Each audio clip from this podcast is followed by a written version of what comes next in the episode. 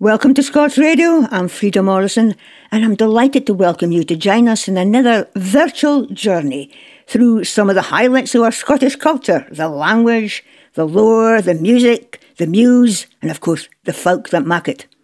In this edition, with Scots Language Matter, Shane Strachan takes us through the work he's been focusing on of late and the plans for the future. Dave Mitchell has a look at, you know, the iconic exhibitions coming up in Edinburgh, and Claire Patterson tucks the hairst into our kitchen. We celebrate with the young beekeepers just back from Slovenia, and in the next in the series, focusing on Scottish artists, Willie Johnston speaks to singer Claire Hastings, and we'll hear a song from Claire's new album, Lullabies from Scotland. It's a busy programme again, and I wouldn't have it any other way.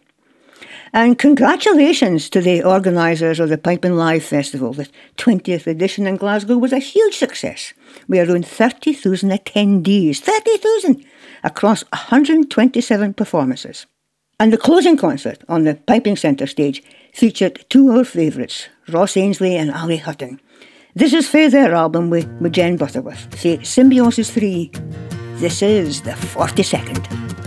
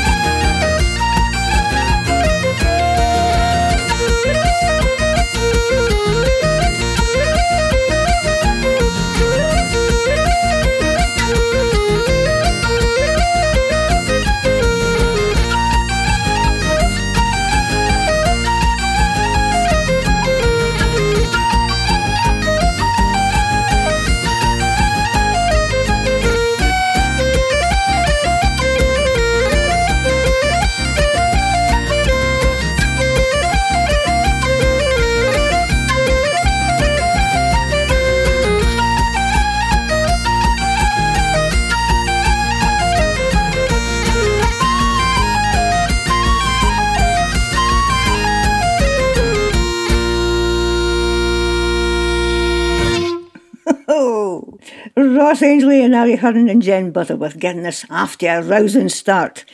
And can I add our congratulations to the People's Ford, Boghall and Bathgate Caledonia Pipe Band on their winning their very first ever World Piping Championship recently in Glasgow. Thick an achievement. Well, a rousing start to our own rousers and their chosen nukes. In his B&B studio in Edinburgh, steering us through the wiggly waves, welcome Richie Werner. Aye, aye, how's it going for you? Very sunny week this morning. It's a sunny day here as well. Aye. Ah, aye, good stuff. Right, Richie, holidays. Have Yeah. you been on any holidays?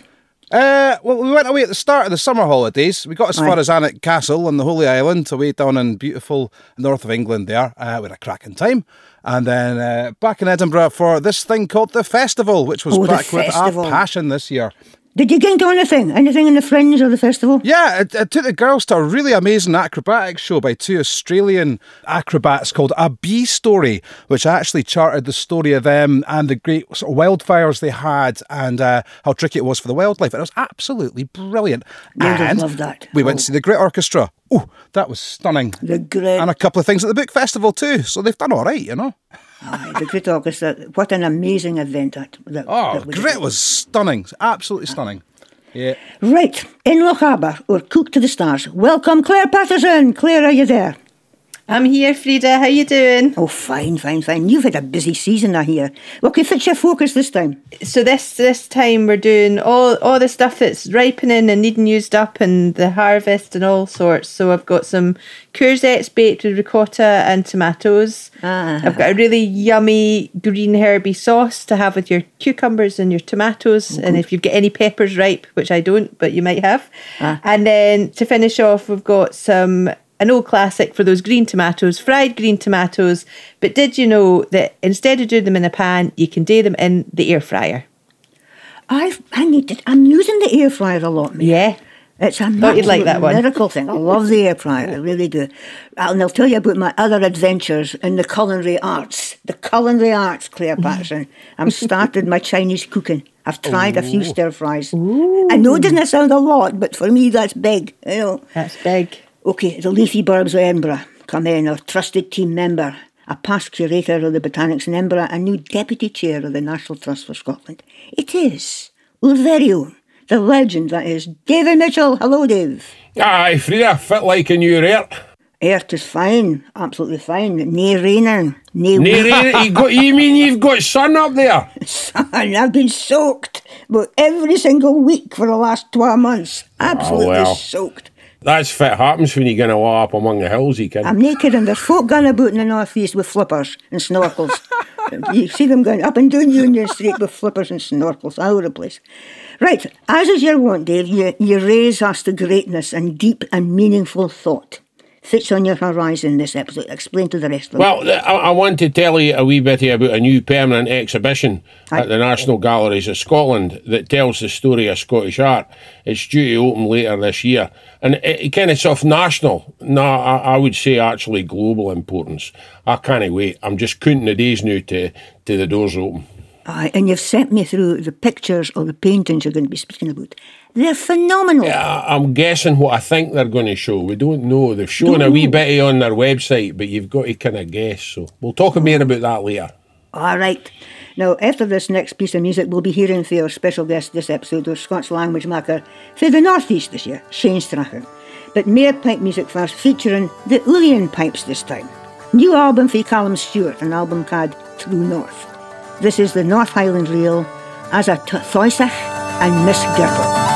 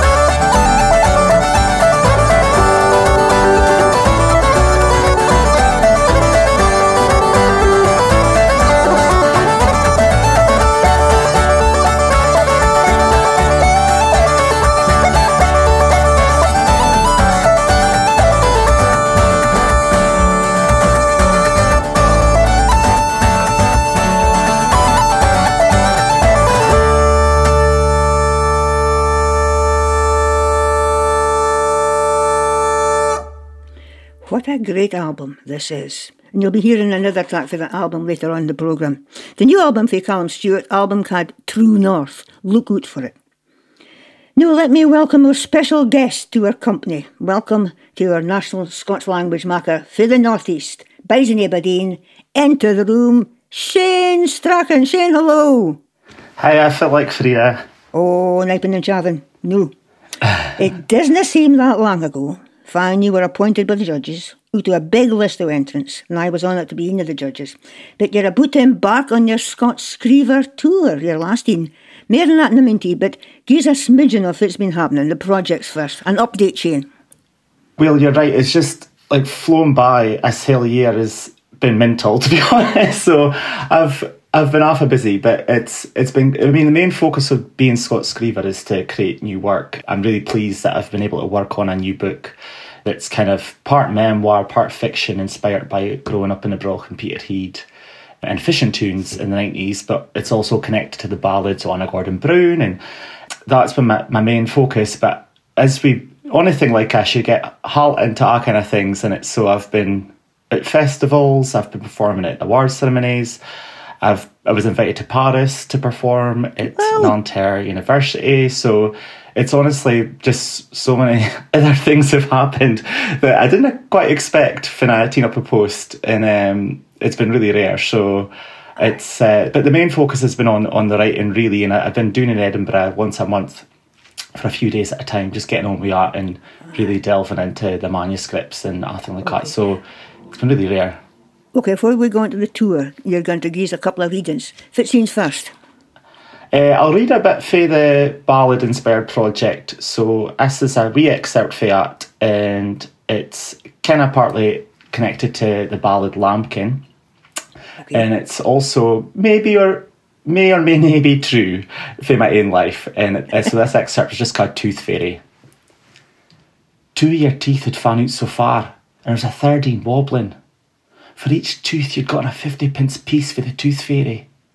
You thought o' a the sweeties and lucky bags she might buy for the shoppy eh, across for the school once this next fell out.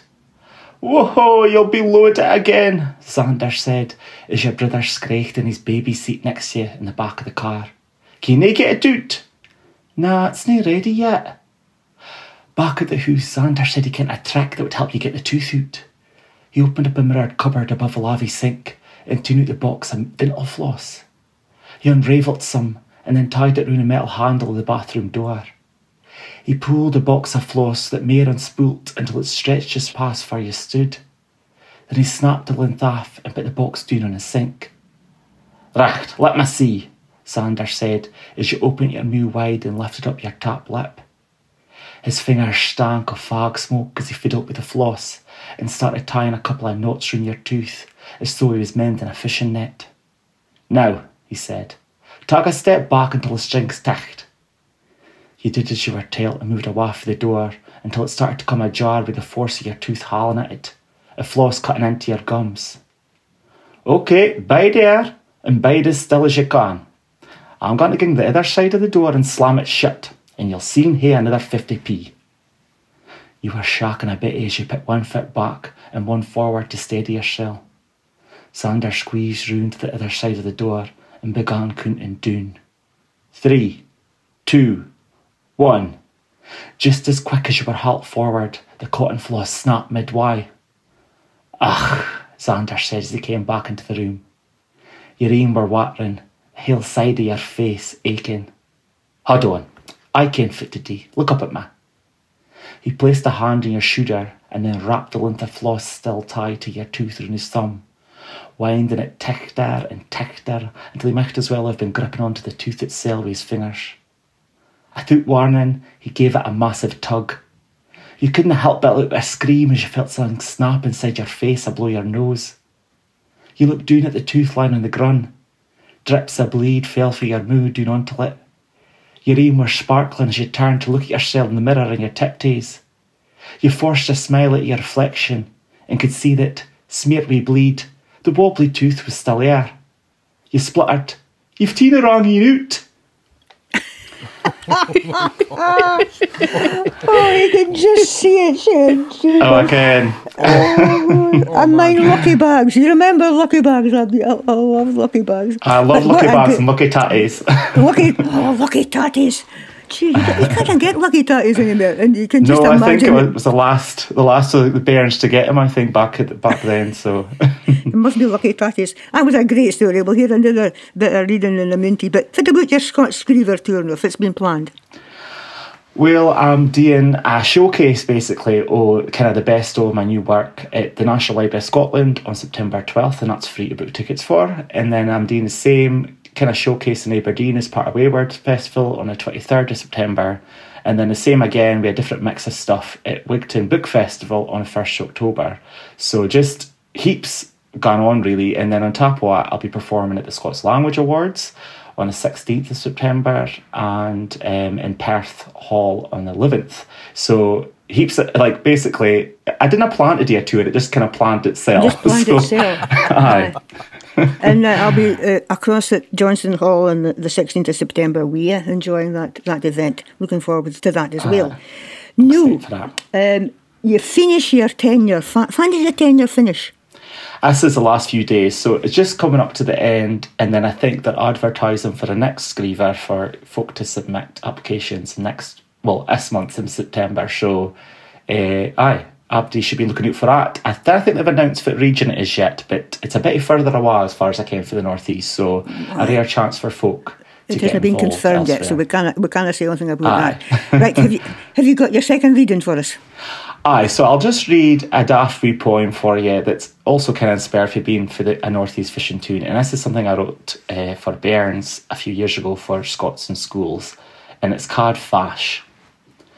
My father does not fash himself, if it's fashionable and flash. For half his life is spent out at sea, catching fash. My father does not fash himself with showing off his cash, for he's seen our Mockmere siller, out at sea, catching fash. My father does not fash himself with Ganu on the lash, for he'd rather be sipping tea, out at sea, catching fash. My father does not fash himself with starting a stramash, for he gets plenty peace, out at sea, catching fash. As for my mother, that's quite another story altogether. I love that. Shane did that in, at the, the Doric Film Festival in front of the live audience, and it just went doing an absolute treat. It was just a cracker. Absolute I'm waiting on the follow up, Shane. I know. Again, well, I love I You've left say- us hanging, man. You've left us hanging. Right, so he kind of, and I, I should add, um, uh, congratulations to all the nominees for the Scottish Language Awards, and we're looking forward to the event. As I said, a heap of nominees this year. It's, it's just lovely to see all the folk being nominated and and uh, recognised for their, their work throughout the year. Shane, thank you for your company and your outstanding work. For a legacy. No worries, thanks for Venus. him, man. Aye, and you. long may you continue to build on that kist of treasures. Now, you're not going to disappear. You didn't just go away into a kind of No, a, no. A, bot- a bottle somewhere. You just didn't. You're, you're bide. You're, you're, you Of we can't just lose you. And uh, you're, we're, we're new kind of adopting you as a, a- a- a poet and, and reader as well. Listen, Blazing Fiddles. You've heard of Blazing Fiddles. They, they're just gone Mm-hmm. out of the place and just huge audiences are we. Blazing Fiddles just released their, their new album celebrating their 25th anniversary. The album is called simply 25. This is The Road to Sky.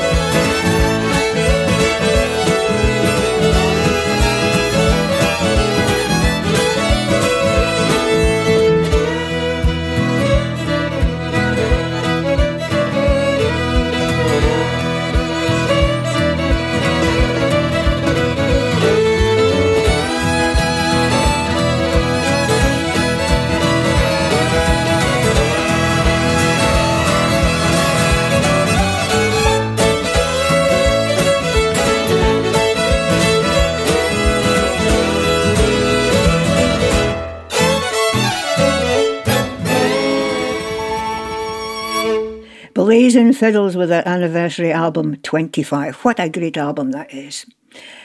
Now then, some of us tackled the throngs at the Edinburgh Festival Fringe and the Edinburgh Festival, the theatre, the music, or just enjoying that special atmosphere. Whatever, Dave Mitchell has been looking forward to something later in the year, again happening in Edinburgh. Dave, tell us more about it. Why are you looking forward to this? Well, Frieda, it, it's a new exhibition, a new permanent exhibition at the National Gallery of Scotland, and it's going to tell the story of Scottish art the scale and the ambition of this project, you can, it's, it's, it's breathtaking because mm-hmm. they had to mark new gallery spaces. And to do that, they had to dig down under the ground underneath that big A-listed building on the mound. And underneath them, while they were digging, were the tunnels that get into the railway station. And just to make it even more complicated, the whole thing's a World Heritage Site. It's basically been the most complicated engineering project of its kind I think ever taken in a heritage building wow. in Scotland. It's amazing. I can't wait to see what they've done. No, as a, a, a kind of a regular visitor to the gallery, but what do you hope this exhibition will achieve? Well, I'm hoping that there'll be sick of noise about it. That it'll encourage folk who have no been to the National Gallery of Scotland because they think, oh, that's no my cup of tea, I'm no gone. I hope that they'll change their mind about that and come along and, hey, a look, because I think what it'll do is it'll make the nation's art much more accessible and exciting for visitors. Because what they're going to do, they're going to change the way that they display it. As a person, as a visitor, you'll be able to be much more engaged with it. I mean, for a start, if you enter the gallery for the lower level in Princes Street Gardens, kind near the cafe, you'll be able to walk through these new rooms, room by room, gone back in time.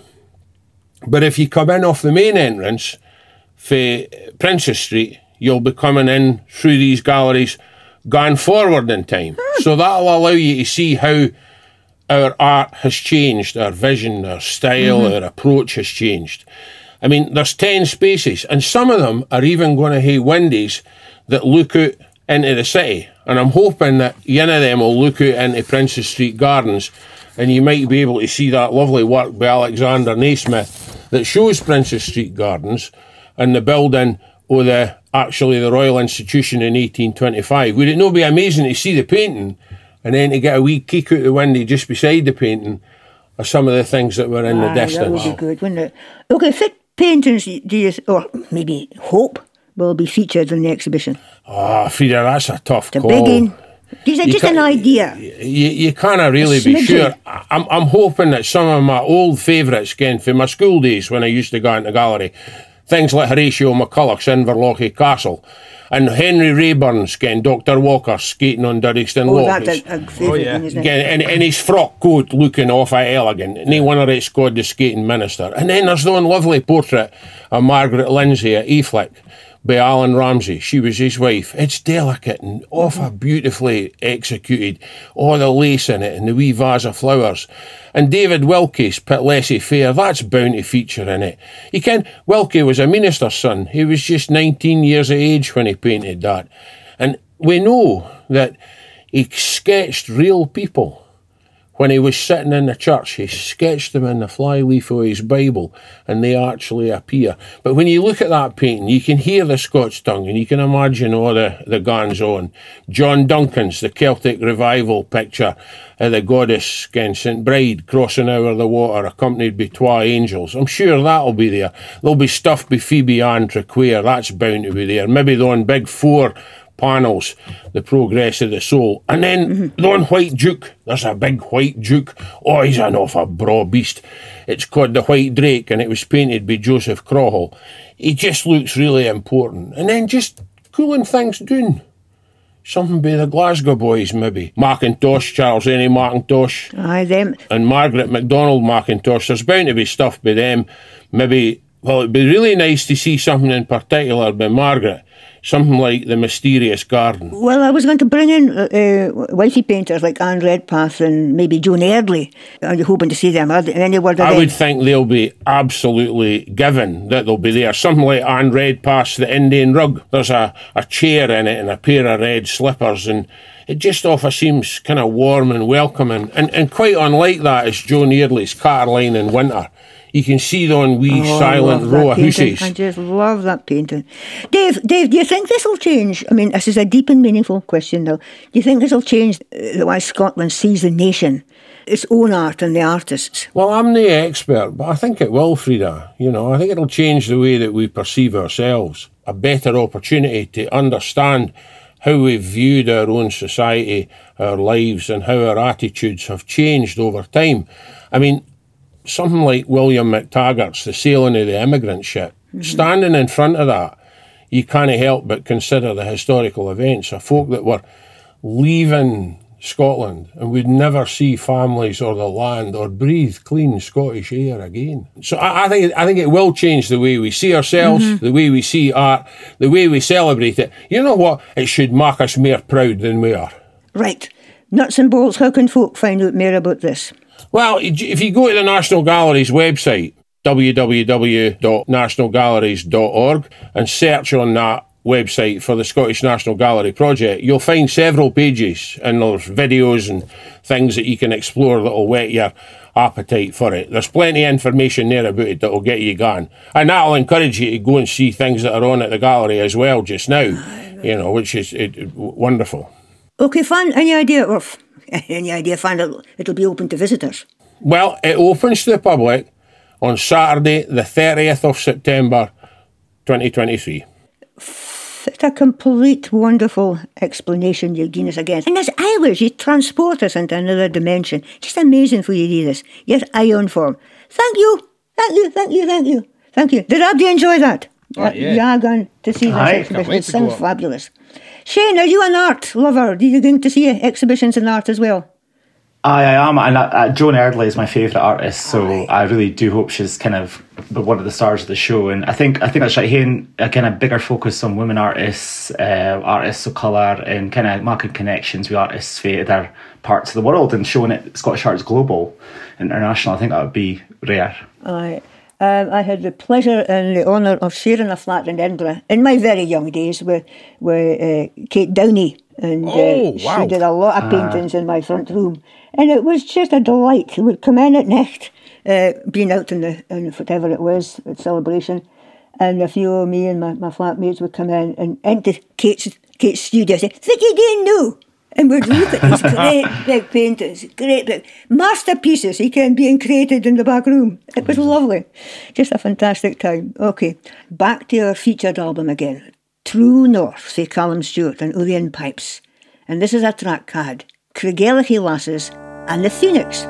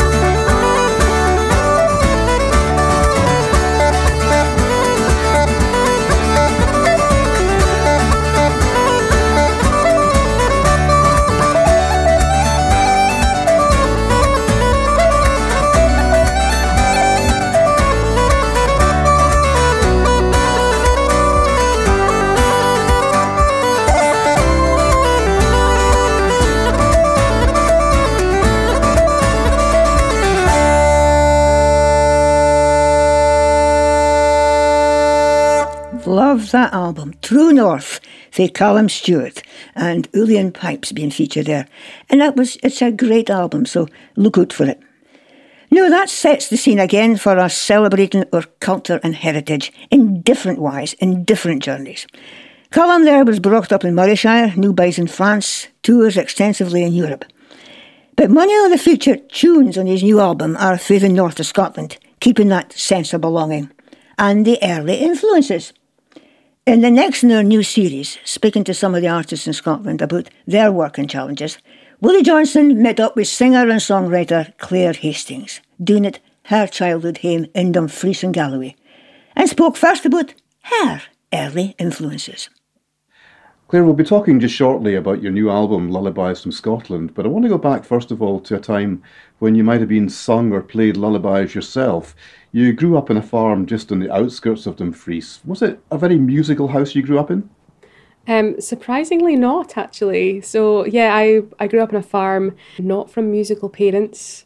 So we're not really sure where the, the musical gene came from, but my granny's mother Bessie, she was she was a piano player and uh, an artist as well. So perhaps skipped a couple of generations. So when was it you found your voice? In primary school. So I went to Holywood Primary and I had some lovely teachers there that would enter us for the Burns competition in Dumfries. Um, and yeah, really, really encouraged my singing back then. And at what point did you realise or come to realise that singing was what you wanted to do? Probably when I went to high school. That was at Wallace Hall Academy. And again, a very small school, very encouraging music department uh, led by Nick Riley. And found folk music really then.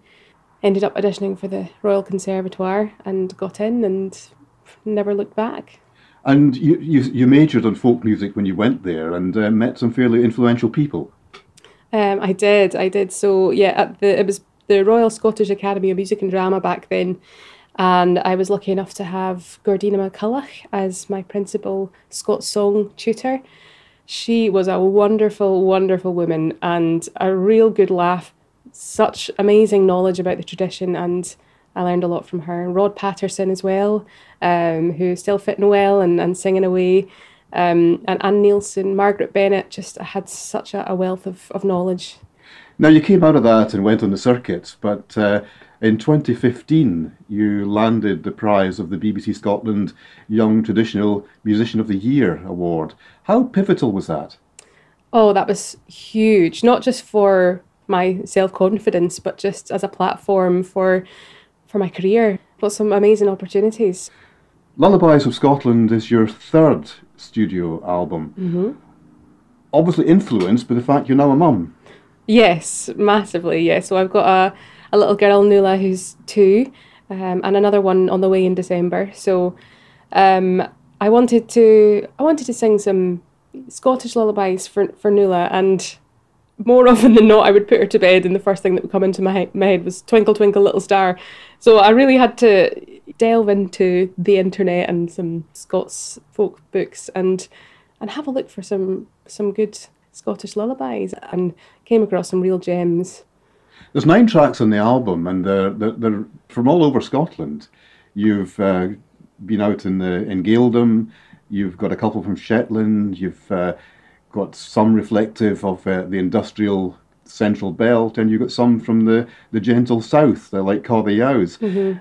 Is the diversity of that uh, collection was that quite deliberate? Uh, yes, it was, and um, yeah, you, you touched on the the Gaeldom there. I, I'm not a Gaelic speaker myself, but I thought it was really important to have a Gaelic song in there because there's such a wealth of lullabies that are in Gaelic. So I really wanted to make sure that I, I included at least one on there. And I got some some tutoring from a couple of friends who do speak Gaelic to make sure that my pronunciation was okay because I was a bit worried about that. Um, You've so, actually preempted a question. I was going to ask you specifically about the Gaelic and also about the two Shetland lullabies because that's a very particular dialect as well. Did you mm-hmm. take these on as a Lowlander with some trepidation? Oh yes, a hundred percent. And you know, you always you always worry about what other people think of you, and um, I think the Gaels can be a tough crowd to please sometimes when you're not a native native speaker. But you know, I did get some advice and some help with my pronunciation, and everyone's been so so lovely about the Gaelic song. So that's been that's been really nice to hear. And the Shetland ones as well. I I wasn't sure whether to um to put it more into my own accent or whether to just really embrace it and go for the the Shetland dialect. And I decided it was quite important to, to keep it in the Shetland dialect. So again, I got some advice from a couple of people, including uh, Inge Thomson, and um, she helped me out with a couple of translations and pronunciations as well. So yeah, I'm, I'm glad that I'm glad that I did. But it's probably a little bit softer than maybe someone from, uh, that's native to Shetland would would do. What's in the pipeline next? Um, have another baby. Musically. Musically, oh, I see. Uh, yeah, so I'm going to take a little bit of a backseat from music for a few months. Um, but after that, I am hoping to perhaps do an EP solely of original songs. So I need to do do a bit of writing. I've got one or two songs um, that are partially finished, so I just need to work on those and get a little collection together. Well, in due course, we really look forward to hearing it. Uh, Claire Hastings, thank you very much indeed. Thanks very much. Not lovely. Claire Hastings speaking to Willie Johnson about her working life in music.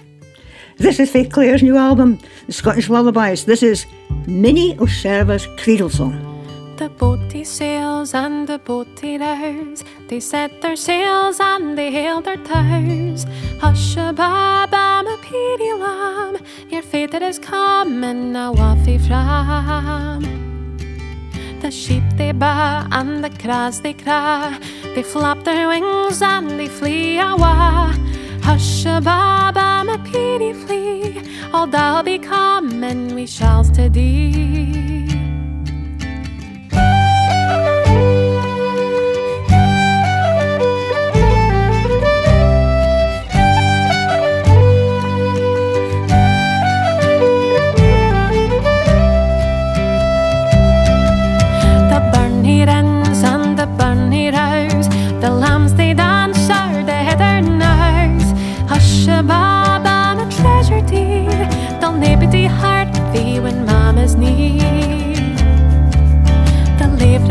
sun he sings to ah. The winter comes with a cold and snow. Hush a bob, I'm a pity flu. Lang Willie has Lou in a hint the door.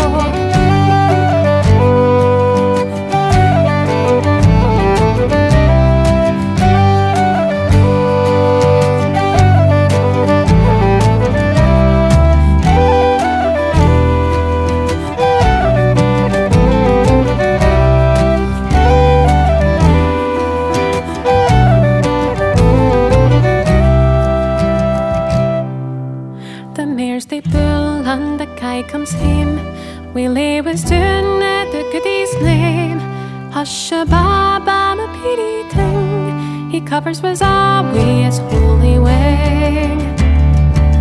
The boaty sails and the boaty rows, they set their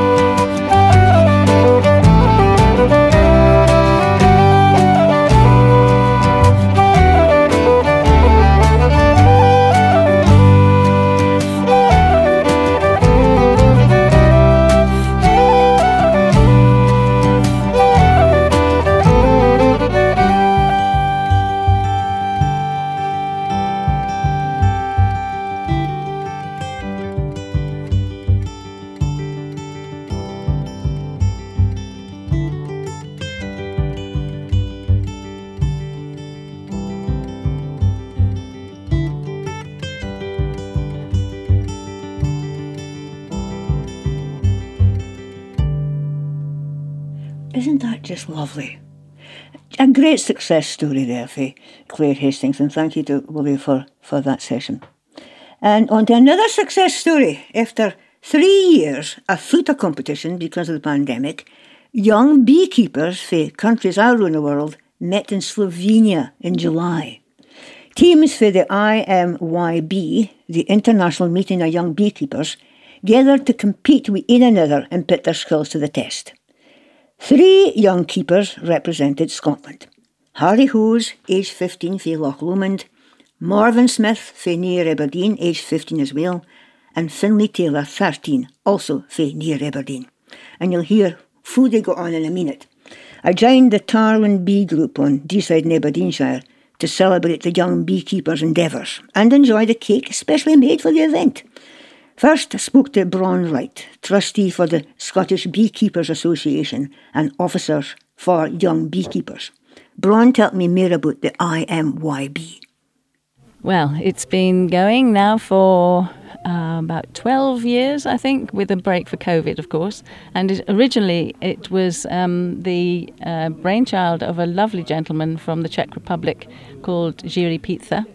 And he, his dream was to get a bunch of international young beekeepers together just for a meeting, to have fun, to learn about beekeeping, to learn all about how international relationships can be developed, and um, everybody getting to know each other with the main theme of beekeeping. Okay, so off they went. It sounds fun, but there's a lot of hard work involved as well. Absolutely, yeah, yeah. Um, yes, we all the beekeepers, uh, young beekeepers that we take with us, have to fill in, um, have to fit into three criteria.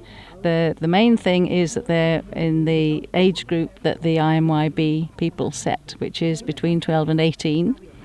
We ask for them always to be a member of the Scottish Beekeepers Association, and we also ask for them to have at least a basic certificate in beekeeping so that we know they all have a level of competence. So they apply to go and you pick the team. Yes. But then they get there. And this year they went to Slovenia. hmm Fabulous time had by all, but as I said, working hard. So what did they have to do? Well, first of all, they got to, to settle down into what this year was a massive monastery. And we were looked after by monks who served us, who made the meals, helped to make the meals, served us the meals, and generally, you know, kept an eye on everything. It just sounds like a. But the, cut that the important thing when I was listening to you, you know, doing the presentation, the, the important thing to you was the team, Yes. the team mm-hmm. working, isn't it? Mm-hmm. And mm-hmm. because they were being observed in everything. Now the winner was Austria this year. Yes, yes. Scotland came 12th, but that was a close thing, wasn't it? It was because the leading team was about 79%, Scotland was 74%. Wow. There were lots of ties on the way. We tied with several other countries who were 74%, but they'd taken the um, totals to a, a large number of decimal points. So that's how close it was. It was just like the Olympics. I'd never seen anything like it before. okay, I'm going to go across to Harry's mum, Leslie. Was it uh, a huge success for Harry? It, de- it definitely was a huge ex- success. I think quite daunting when they first arrived and got there and 150 children and lots of people not speaking English and like uh, Bron said, living in a, a monastery, um, it was a little bit different. Uh, but he absolutely loved it. By the end of it, had made lots of friends from different places in the world, had been offered to go and stay with uh, people who have got 600 beehives in Greece and other ones in Australia. And so he just talked about it for days when he came home. Absolutely loved it. Thank you both for, for being with us. And uh, the cake is being cut. I'm keeping you from the cake. That's fine. Lovely. You. I'll speak to you later on. I'll, I'll catch up with the, the three beekeepers just now.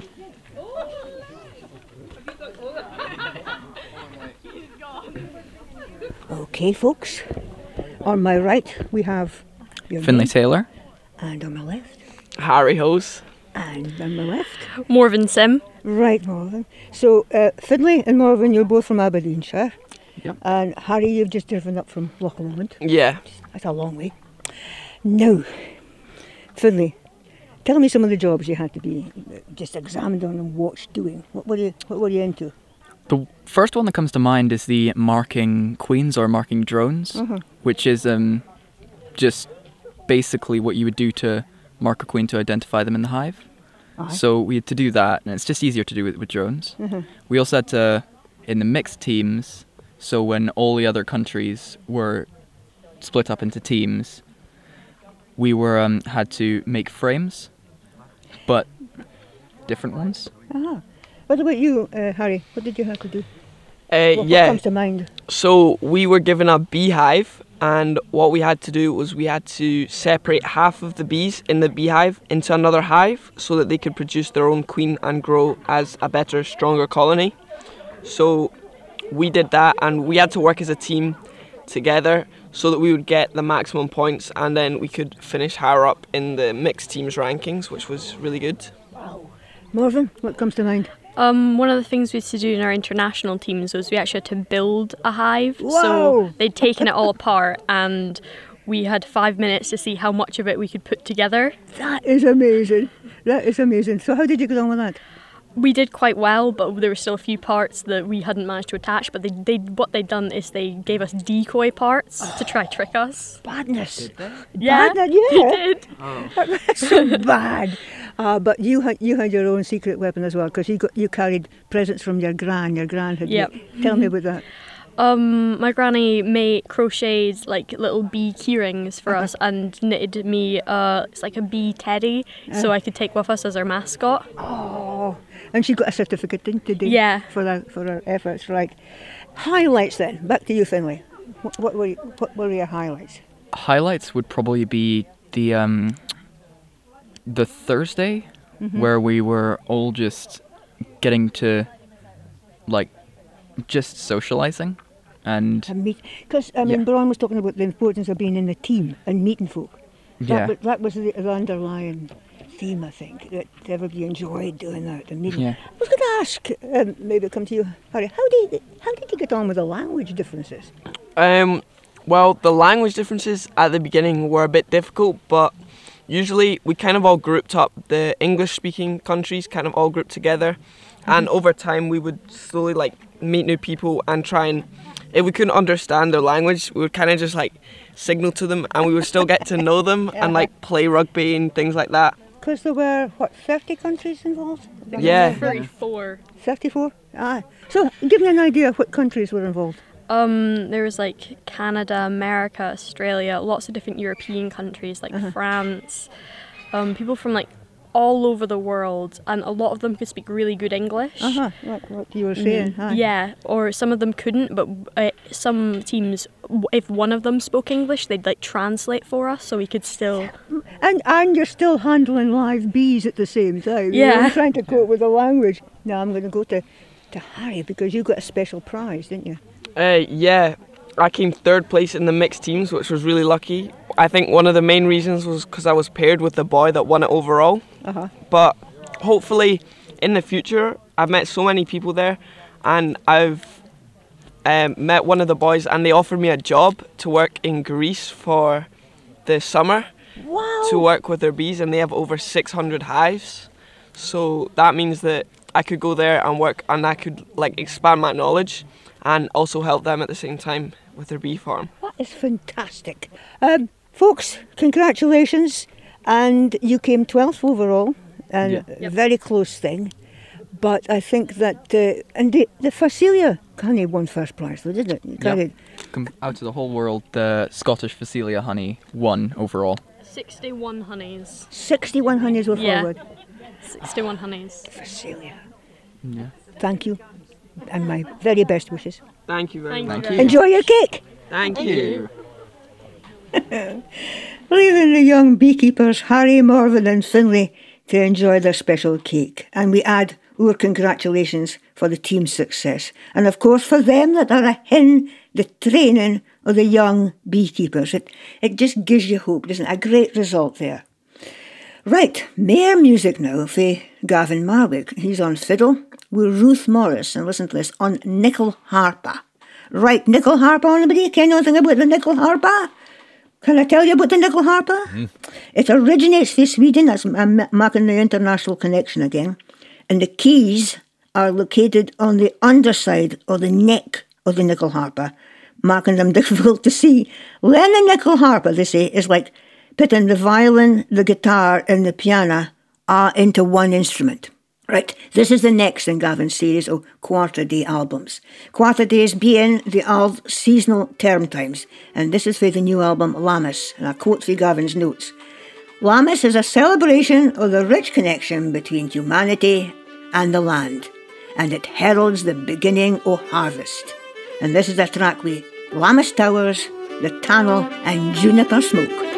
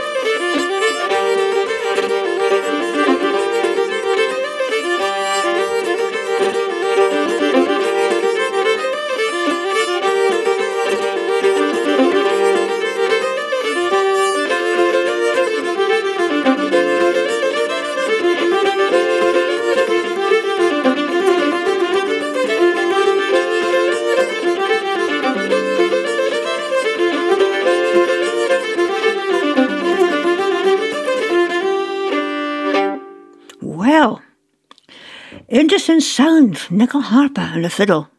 That was for Gavin Marwick's new album, Lammas. It's a lovely album, just nice, relaxing music, and still can't try to work out how you can play something like the Nyckelharpa. I thought the the, the, the small pipes were hard enough. the bellows at one end and pipes on the other end. It's not easy, Uh, Frieda. It's not easy. Have you ever tried to record the Nyckelharpa in your studio? I've, I've had a guy in called Gavin Pennycook before, and I was sort of gobsmacked and blown away and how on earth they would record this instrument. But we did a very cool album called Celtic Nyckelharpa. Yeah, it's well worth checking out. Celtic Nickel Celtic, Harper. Yeah, he did all Scottish tunes on it.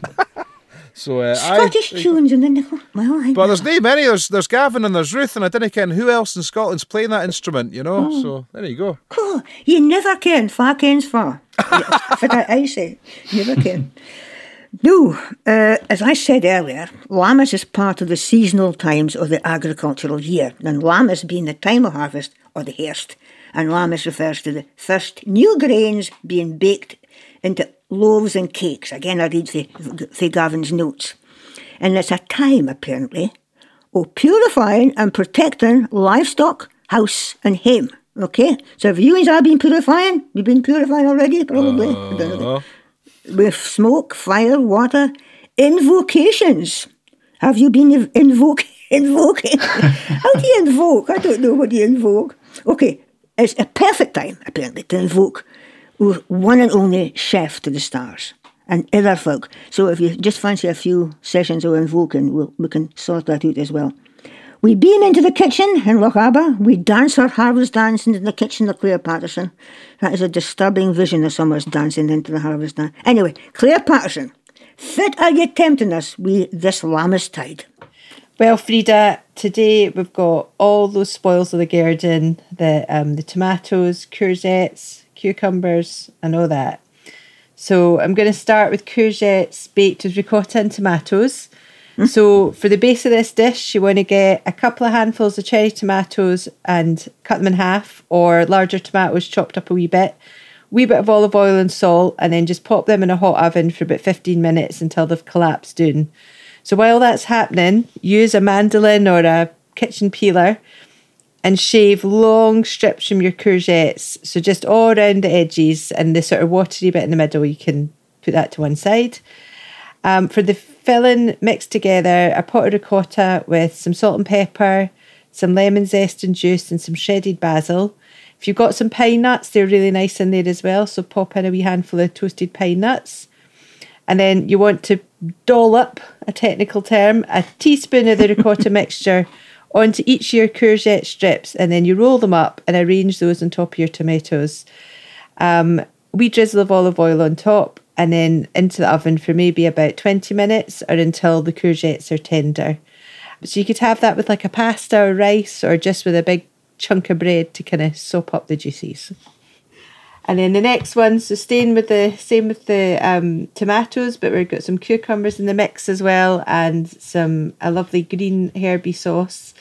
We've got a big glut cucumbers at the moment. We've been had hundreds of them all summer. It seems so my, to be a year of cucumbers, Claire. They're That loving seems to be it. Aye. My kids, I'm no, I'm, I'm, I'm honestly no exaggerating. My kids eat about six cucumbers a day between them. Six. Um, six. My son will get sent to the polytunnel to pick one, and he'll pick one for the kitchen and one for himself to eat on the way back. It's about two minute walk. So, but they just keep coming. It's amazing. Oh, I love respect for the greenhouse. I love them.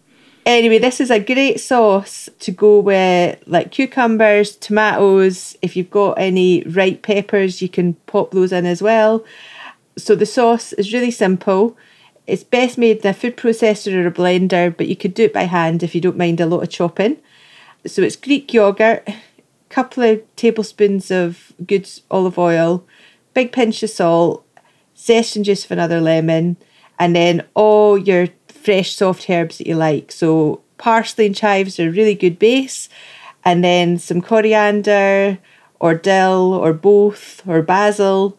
A, ti- a little small amount of mint or tarragon's really nice as well, but you have to go quite easy with them.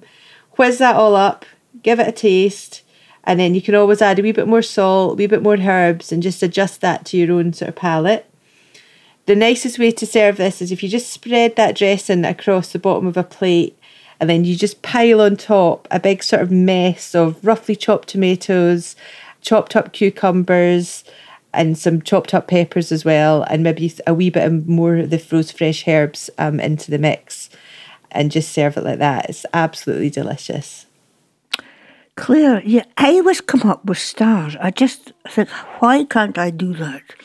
Now, uh, uh, thank you, Claire. And in the midst of Lammas and the celebration of hairst, it's a good time to enjoy the fruits and labours in the garden. And we'll be back in with a new Grow Radio gardening programme in no time. Okay, but for now, we're going to dance off into the sunset with Blazing Fiddles. This is another the new album celebrating the 25 years of the band. It's a track called The Windmill. For the gang here, Shane Strachan, Claire Patterson, Dave Mitchell, Richie Werner, and myself, Frieda Morrison, thank you for your company. Enjoy your space. Bye the new.